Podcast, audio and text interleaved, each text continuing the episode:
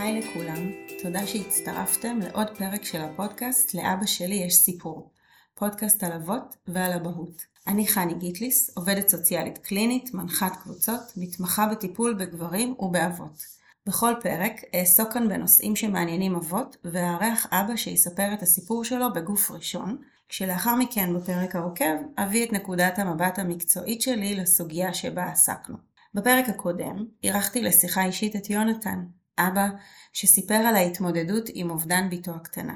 ובפרק הזה נדבר על חוויית האבות אחרי אובדן ילד או ילדה. נתחיל בלהגיד שאובדן של ילד הוא קודם כל אובדן מאוד טרגי וקשה מנשוא. זה האובדן הקשה ביותר שהורה יכול לחוות, והוא כואב ובלתי נתפס, ובעצם זה לא אובדן שמתגברים עליו, וזה משהו שחשוב להבין. האבל משתנה עם הזמן, האבל מקבל מקום אחר בחיים, אבל הוא תמיד יהיה חלק. אבל מיד אחרי האובדן, המחשבה על זה שהחיים בעצם לא נעצרו, שהחיים מסביב ממשיכים, היא יכולה להיות בלתי נסבלת ברגע הזה. ובעצם אה, הורה שאיבד ילד, הוא מתמודד גם עם האובדן של הילד, אבל גם בו זמנית הוא צריך לדאוג לשאר בני המשפחה. לבני הזוג, אם יש ילדים נוספים, לפרנסה של הבית, להתנהלות השוטפת של הבית. בעצם בתוך כל הכאב צריך למצוא את הכוחות כדי להתארגן מחדש במציאות. אם יש ילדים בבית, הם זקוקים להורים שיתנהלו באופן שהם מכירים, אבל זה בעצם משהו שהוא כמעט בלתי אפשרי במציאות, לצפות מהורים פשוט לחזור ולהתנהל כמו לפני האובדן. בפרק הזה אני אתמקד בעיקר במקום הייחודי של הגברים, בלהביא הבנות מחקריות וקליניות על ההבדלים של האבל בין אבות לאימהות, וגם נדבר על מה חשוב שהסביבה התומכת תוכל לשים לב אליו, כדי בעצם לספק לאבות תמיכה שתהיה מותאמת לצרכים שלהם. הנושא הזה של אובדן ילד הוא נושא רחב, אבל כן חשוב לומר שהמחקרים בתחום שמתמקדים ספציפית באבות הם יחסית מועטים. יש מחקרים שמתייחסים להורים במשותף, נשים וגברים, יש הרבה מאוד מחקרים שנעשו על אימהות, ואין הרבה מאוד מחקרים על אבות, אה, וגם בהתאם אין הרבה מאוד מענים שהם ספציפיים לאבות. אז בעצם נתייחס לכל מיני היבטים של אה, אבל אצל גברים. כן חשוב להבין שאפשר לראות שיש הבדלים באופן שבו גברים ונשים מתאבלים. זאת אומרת, יש גם הרבה מאוד דברים משותפים כמובן, בין אבות ואימהות סביב האובדן, אבל כן יש פערים ושם הייתי רוצה להתמקד בפרק הזה ולחדד את הדברים האלה. בעצם הדבר הראשון שבולט זה שאפשר לשים לב שאצל גברים יש תגובה של אבל מושהה. הכוונה באבל משה זה בעצם תגובה של יגון, של אבל, שהיא לא מתרחשת ממש כשקורה האובדן, אלא בעצם בשלב מאוחר יותר. הרבה פעמים, אחרי אובדן, אפשר יהיה לראות את הנשים מתאבלות באופן שהוא הרבה יותר מוחצן, בולט כלפי חוץ, מבטאות את הכאב שלהם במילים וברגש, לעומת גברים שנוטים להפנים את האבל שלהם ונוטים להסתיר את הכאב שלהם, או אם אנחנו מדברים על תגובה של אבל מושהה, בעצם באבל מושהה, כמו שאמרתי, תגובת האבל, כמו שאולי נצפה לראות אותה מיד לאחר האובדן, כמו שאולי נשים יותר מאפשרות לעצמן לבטא אותה מיד לאחר האובדן, היא יכולה לבוא בשלב מאוחר יותר. ואז חשוב שנבין שיש גם אה, מנגנון שנקרא דיסוציאציה. ודיסוציאציה, שבעברית אנחנו מדברים על הפרדה או על ניתוק, זה בעצם מתייחס למצבים שבהם קיים נתק בין המודעות של האדם לבין זיכרונות, רגשות, מחשבות. הדיסוציאציה היא יכולה לבוא בתגובה לחוויה שהיא בלתי נסבלת באופן מאוד מאוד קיצוני, כשהנפש לא יכולה לשאת את האירוע הזה, ולכן בעצם מה שהיא עושה שהיא מבודדת את המידע הזה זה יכול להיות מידע אינפורמטיבי, אבל זה גם יכול להיות מידע על רגש, בעצם מהרצף המודע של החוויה. זאת אומרת, זה יכול להיות למשל שהאדם נמצא באירוע טראומטי ואחר כך הוא לא זוכר את פרטי האירוע עצמו. או שהאדם נמצא באירוע טראומטי, או חווה איזושהי חוויה מאוד מאוד קשה וקיצונית, ובעצם ממשיך לתפקד ואין שום חיבור בינו לבין הרגש שלו לגבי הסיטואציה. זאת אומרת, הוא אפילו לא יכול לספר לעצמו עד כמה נורא הדבר הזה, והוא פשוט ממשיך לתפקד. חשוב להבין שבמקרה הזה, הדיסוציאציה היא בעצם מנגנון הגנה של הנפש. היא מה ששומר על הנפש להמשיך ולתפקד באופן בריא ובעצם לא להתפרק. אז זה לא בהכרח בעיה. הדיסוציאציה יכולה להפוך לבעיה כשהיא הופכת להיות מתמשכת ולמעשה מנתקת את האדם מהחוויה הרגשית שלו לאורך זמן. למה בעצם היא בעייתית במצב הזה? כי אפשר להגיד שאם אנחנו לא מרגישים כאב, אז בעצם אולי זה עדיף וזה יותר קל וזה יותר טוב ויהיה מי שיעדיף לא לחוות כאב, אבל בעצם כן חשוב להבין ש...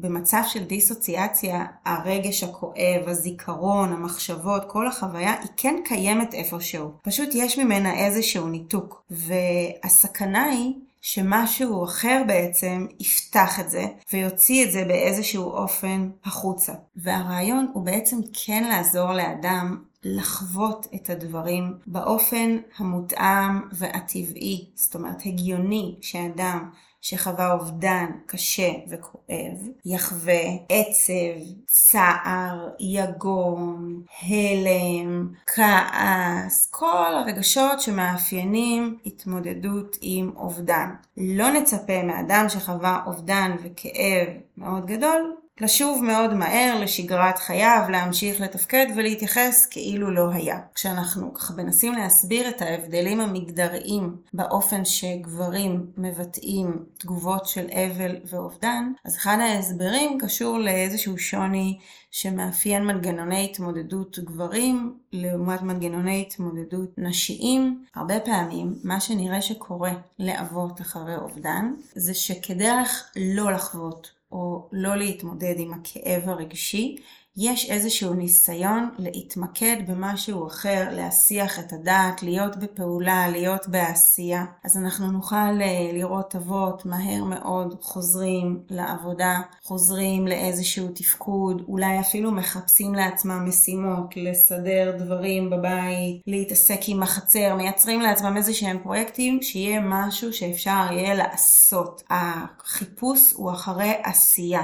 עשייה מספקת חוויה של אה, מסוגלות ומספקת חוויה של אונים לעומת החוויה של חוסר אונים, שהרבה פעמים יכולה להתחבר לחוויה של מוצפות רגשית. ההשתהות ברגש יכולה להרגיש גם כמו חוסר אונים. אבל עוד עניין, זה גם קשור לתפקידים מגדריים שאנחנו עדיין יכולים לזהות גם היום, זה שגם אה, אבות מצופה מהם, או שהם מצפים מעצמם להיות המפרנסים העיקריים, להיות מי שמחזיק את המשפחה, מי שמספק את הצרכים החומריים. יש פה איזושהי ציפייה שהיא גם חברתית מהגברים להיות חזקים ולתמוך בבני המשפחה. והם בעצם באיזשהו אופן ממלאים את הציפייה החברתית, וגם אומרים לעצמם שהם צריכים עכשיו להיות חזקים, שהם לא יכולים להתפרק. יש באמת הרבה מאוד פחד מהמקום הזה של התפרקות. יש חשש שאם אני אאפשר לעצמי לבכות, לשקוע, לצלול אל תוך האובדן,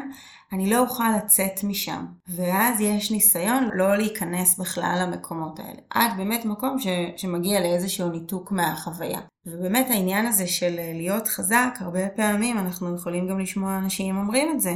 אומרים את זה למישהו שחווה עכשיו אובדן, תהיה חזק, אתה צריך לדאוג לה, אתה צריך לדאוג לילדים. זה לא מקום שמאפשר הכרה בצורך של האב גם להיות באבל, גם לחוות את היגון שהוא חווה באופן מלא. וזה משהו שמאוד מאוד חשוב לשים לב אליו. עוד דבר שאנחנו נצפה לו בהתמודדות עם אובדן של ילד זה רגשות אשם. רגשות אשם גם במצב שבו לא הייתה שום יכולת להורה למנוע את מה שקרה, או במצב שהורה עשה מה שהוא היה יכול לעשות, אבל האשמה חשוב להבין שהיא לא אשמה שאפשר פשוט לנקות בלהגיד למישהו אתה לא אשם, ואז יהיה שם איזשהו היגיון, וזה פשוט ייעלם. גם הורה שמבין שהוא לא אשם, יחפש מה הוא היה יכול לעשות אחרת, מה הוא לא עשה, איפה אולי זה כן אשמתו. זה לא חייבת להיות אפילו אשמה על הסיבה שבגללה הילד או הילדה מתו, אלא משהו שקשור לזה. ובעצם חשוב להבין שהאשמה הזאת היא באה מתוך התחושה הכי בסיסית של אחריות הורית. כשאנחנו הורים לילדים, אז אנחנו אחראים לילדים שלנו, וכשמשהו קורה לילדים שלנו, אז אנחנו באמת קודם כל נפנה ונאשים את עצמנו, וננסה להשיג בכך איזושהי שליטה על מה שלא היה בשליטתנו, ולהתמודד עם חוויה שהיא חוויה מאוד קשה של חוסר אונים, לחשוב שהיה משהו שאולי יכולתי לעשות כדי להציל את הילד שלי, ולא עשיתי, זו חוויה לא פשוטה, אבל גם לחשוב שלא היה לי מה לעשות, זו חוויה מאוד קשה. והרבה פעמים ההתמודדות עם האשמה היא מאוד מאוד קשה. באמת חשוב להבין שהאשמה היא חלק מהחוויה. אנחנו נוכל לצפות לה, אנחנו נוכל להבין מאיזה מקום היא באה, פשוט נקבל את זה, שהיא שם והיא חלק מהתהליך. אני אגיד ככה משהו על המקום של הזוגיות. זה גם מדובר בשיחה עם יונתן, שבעצם זוג בעצם חווה את החוויה ביחד, אבל גם הרבה מאוד לחוד, וזה יכול להרגיש גם מאוד לבד. דווקא בגלל זה שמדובר בשני אנשים, שני אנשים נפרדים, כל אחד מתמודד עם המנגנונים גם האישיים שלו, אבל גם כן מהמקום הזה של אבא ואימא, ולא תמיד החוויה תהיה זהה, ולפעמים יהיה שוני. קושי דווקא יכול להיות במקום שבו בן הזוג לא מבין. מבין שאין מקום לחוויה נפרדת, כשאין הכרה בזה שיש פערים, שם יכול להיווצר קושי במקום הזוגי. וחשוב מאוד להבין שאדם שכרגע שקוע באבל ובצער, בטח כשיש גם ילדים לדאוג להם, ושבאמת עבורם כן צריך להמשיך ולתפקד ולהיות בתנועה ובפעולה, והרבה פעמים בדיוק המקום הזה של החוסר פניות, הוא יבוא כלפי כלפי בן הזוג או בת הזוג. ובעצם החלק העצוב הוא שבמקום שבו נצפה לתמיכה הרבה ביותר, דווקא משם יהיה הרבה יותר קשה לקבל אותה. זה לא אומר שבני הזוג לא יוכלו אחר כך להתחבר שוב אחד לשני ולעזור אחד לשני, אבל זה כן אומר שמאוד מאוד חשוב שיהיו עוד מקורות תמיכה שהם לא רק בני הזוג. זאת אומרת, שיהיו גם מקורות תמיכה חיצוניים. ואני חושבת שבחלק הזה אפשר לראות שהרבה פעמים אמהות מצליחות למצוא למצוא לעצמם יותר מקורות תמיכה חיצוניים. זה יכול להיות תמיכה של נשים שעברו חוויות דומות בקבוצות תמיכה, בקבוצות של עזרה עצמית. זה יכול להיות בתמיכה מקצועית, כי נשים יותר נענות לרעיון של לקבל טיפול. טיפול, זה גם יכול להיות בתמיכה משפחתית. אפילו מעצם זה שיש החצנה של הכאב ושל האבל, זה משהו שמאפשר לאחרים להיות איתן שם ולספק להן תמיכה. ואם הנטייה של האב היא להפנים את האבל ולהתמודד איתו לבד, גם התמיכה שהוא יקבל מסביב תהיה מועטה יותר, גם היכולת שלו לפנות לעזרה תהיה מצומצמת יותר, מה שהרבה פעמים יכול להשאיר אותו לבד, ותלוי בתמיכה של בת הזוג שלו, ששוב שוב, היא לא תמיד יכולה לספק אותה כמו שהוא היה זקוק לה. ומנגד, אפילו יכולים להיווצר כעסים בין בני הזוג, מעבר למקום שמתקשה לתת תמיכה, אפילו כעס והאשמה, אימהות שרואות את בן הזוג חוזר מאוד מאוד מהר לתפקוד, כביכול חזר לשגרת חייו, וזה יכול לתת תחושה שהוא כבר לא מתעניין, והוא לא חווה את זה באותו אופן, ולא אכפת לו, או שהוא כבר התגבר, היא נשארת לבד, היא כועסת עליו, ושוב נוצר איזשהו פער שלא פשוט לגשר עליו. ובמקום הזה כדאי להגיד שגם תמיכה חיצונית לכל אחד היא חשובה, ובמקרה שבאמת מרגישים את הסדקים האלה או השברים האלה בזוגיות, גם לקבל איזושהי עזרה עבור הזוגיות, לעזור להורים, לזוג, להתמודד עם זה ביחד. וגם יכול להיות שהרבה מאוד חלקים של הזוגיות לא יקבלו מקום בתקופה. בתקופה שאחרי האובדן. יכול להיות שמשהו באינטימיות, בכל החלק שקשור למיניות, לתשוקה, אולי הוא לא יהיה קיים שם בתקופה הזאת. ושם מאוד מאוד חשוב כן לחזק את המקומות של החברות, של הקשר הרגשי, של השותפות. זה הדבר שבעצם יהיה את הבסיס של הזוגיות להשתקם אחר כך. כמובן יש את הנושא של הילדים שבבית וזקוקים להורים שלהם וצריכים לקבל את כל השינויים שקורים מסביב ואת ההתמקדות בילד שמת, וחשוב מאוד שההורים יקבלו גם איזושהי עזרה וגם הכוונה איך לעזור לילדים, איך להיות עבור הילדים, גם איך להחזיר את התחושה הזאת שאני אבא, שאני מסוגל, שאני יכול להיות. הרבה פעמים הילדים הם גם מה שנותן כוח, הם מה שנותן את התחושה של החיות, המקום הזה שיש בשביל מי לחיות, בשביל מי להמשיך ולתפקד, בשביל מי להמשיך ולהיות בתנועה. זה מקום חשוב שיכול למלא. זה גם יכול להיות לא פשוט. זה באמת לא פשוט להמשיך לתפקד כהורים לילדים, בטח אם מדובר בילדים צעירים שעוד לא מבינים את העוצמות של החוויה, שזקוקים להורה שלהם גם שמח, משחק, נמצא איתם, וזה יכול להיות מאוד מאוד מאתגר. כמו שצריך לשים לב שיש בו קושי, ולראות איך עושים את זה, וגם נתמכים במידת הצורך. אפשר uh, לראות לראות שגם אם יש איזושהי חזרה מהירה לשגרה ולעבודה, יש אבות שמדברים על זה שכבר אין את הסיפוק ממה שהיה, כמו שזה היה בעבר, ובעצם מחפשים באופן פעיל לעשות פעילויות יותר משמעותיות, אם זה כדי לשמור על המורשת, על הזיכרון, על ההנצחה של הילד. באמת למשל כמו במקרה של יונתן, שהוא סיפר איך הוא חיפש לעצמו קהילה שתתמוך באבות, וכשהוא לא מצא אותה הוא פשוט החליט להקים אותה, והוא משקיע בה, והוא מנחה אותה, והוא מנתב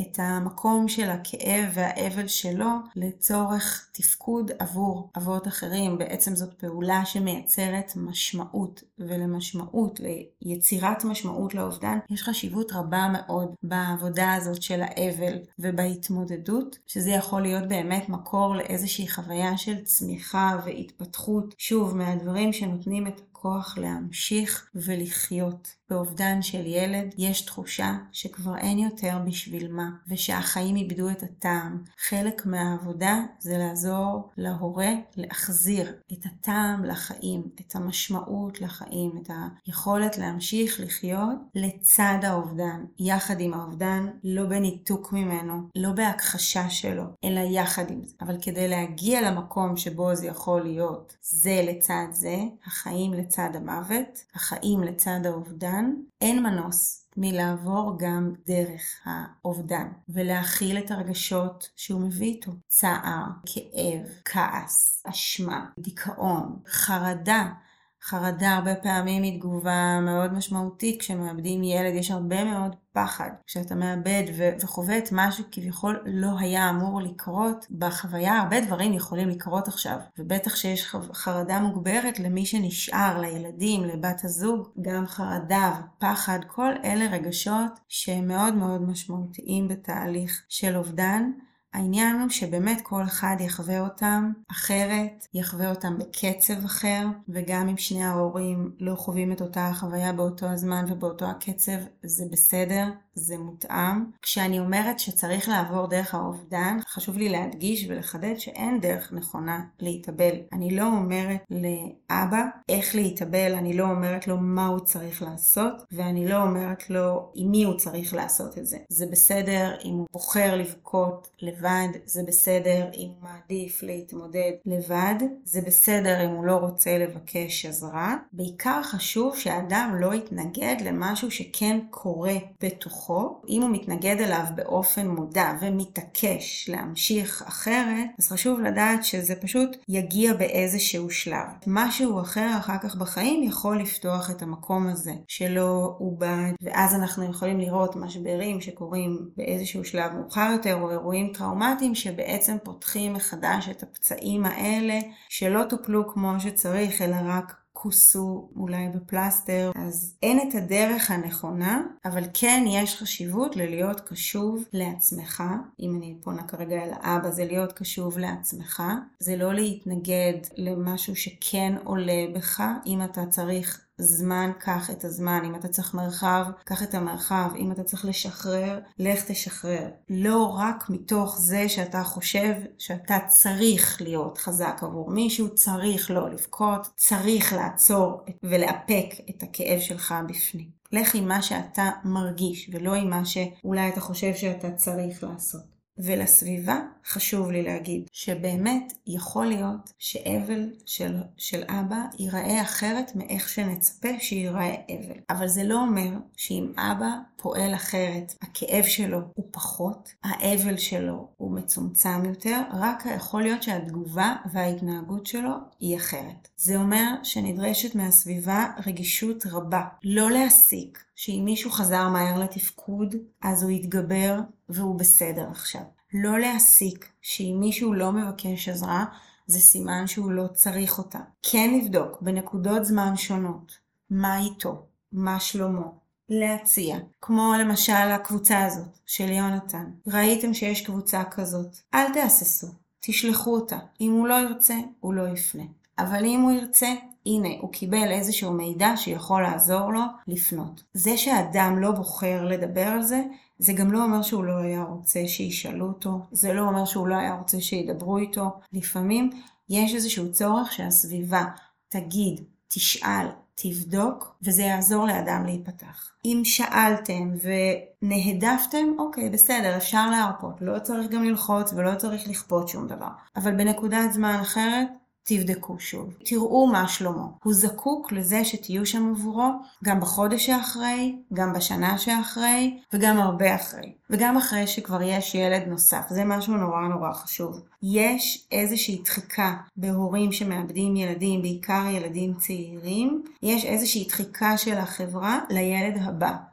הילד הבא הוא לא תחליף לילד שעבד. זה יכול להיות מנחם, זה יכול להיות משמח, יכול להיות שגם ההורים מאוד מאוד רוצים עוד ילד, אבל הוא לא במקום. הוא לא מחק את האובדן, הוא לא לקח את הכאב.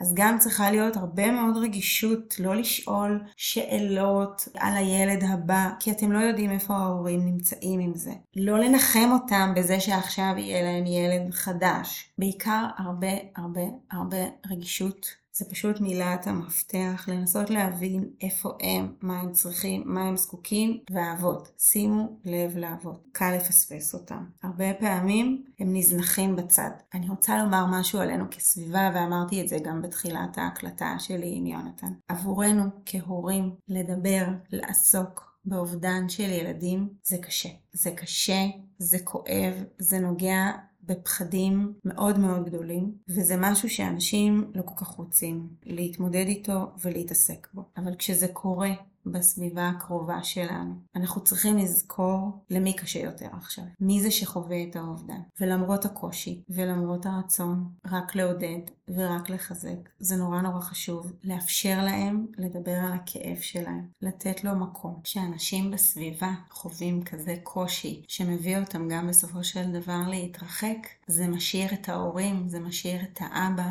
לבד. החוויה הזאת של הבידוד, אפילו של מישהו שרוצים להתרחק ממנו, היא יכולה להיות חוויה מאוד מאוד קשה. אז צריך לשים לב שלא מוסיפים עוד קושי על הקושי שכבר ממילא קיים. ודבר אחרון וחשוב, לכם, אבות, שחוויתם אובדן של ילד, תרשו לעצמכם לבקש. תרשו לעצמכם להגיד למה אתם זקוקים. תרשו לעצמכם להיעזר, ותרשו לעצמכם גם לקבל עזרה מקצועית. זה תהליך שהוא לכל החיים. זה אובדן כל כך כואב, כל כך קשה. אתם יכולים לעבור את זה לבד, אתם יכולים להתמודד עם זה. אבל גם אם זה קשה מדי, תבקשו עזרה. אם זה לבד מדי, תנסו להיות ביחד. יש עוד אנשים שיודעים עם מה אתם מתמודדים, שיכולים להיות שם עבורכם, שרוצים להיות שם עבורכם. אז תודה רבה לכל מי שיאזין לפרק הזה, וניפגש בפרק הבא.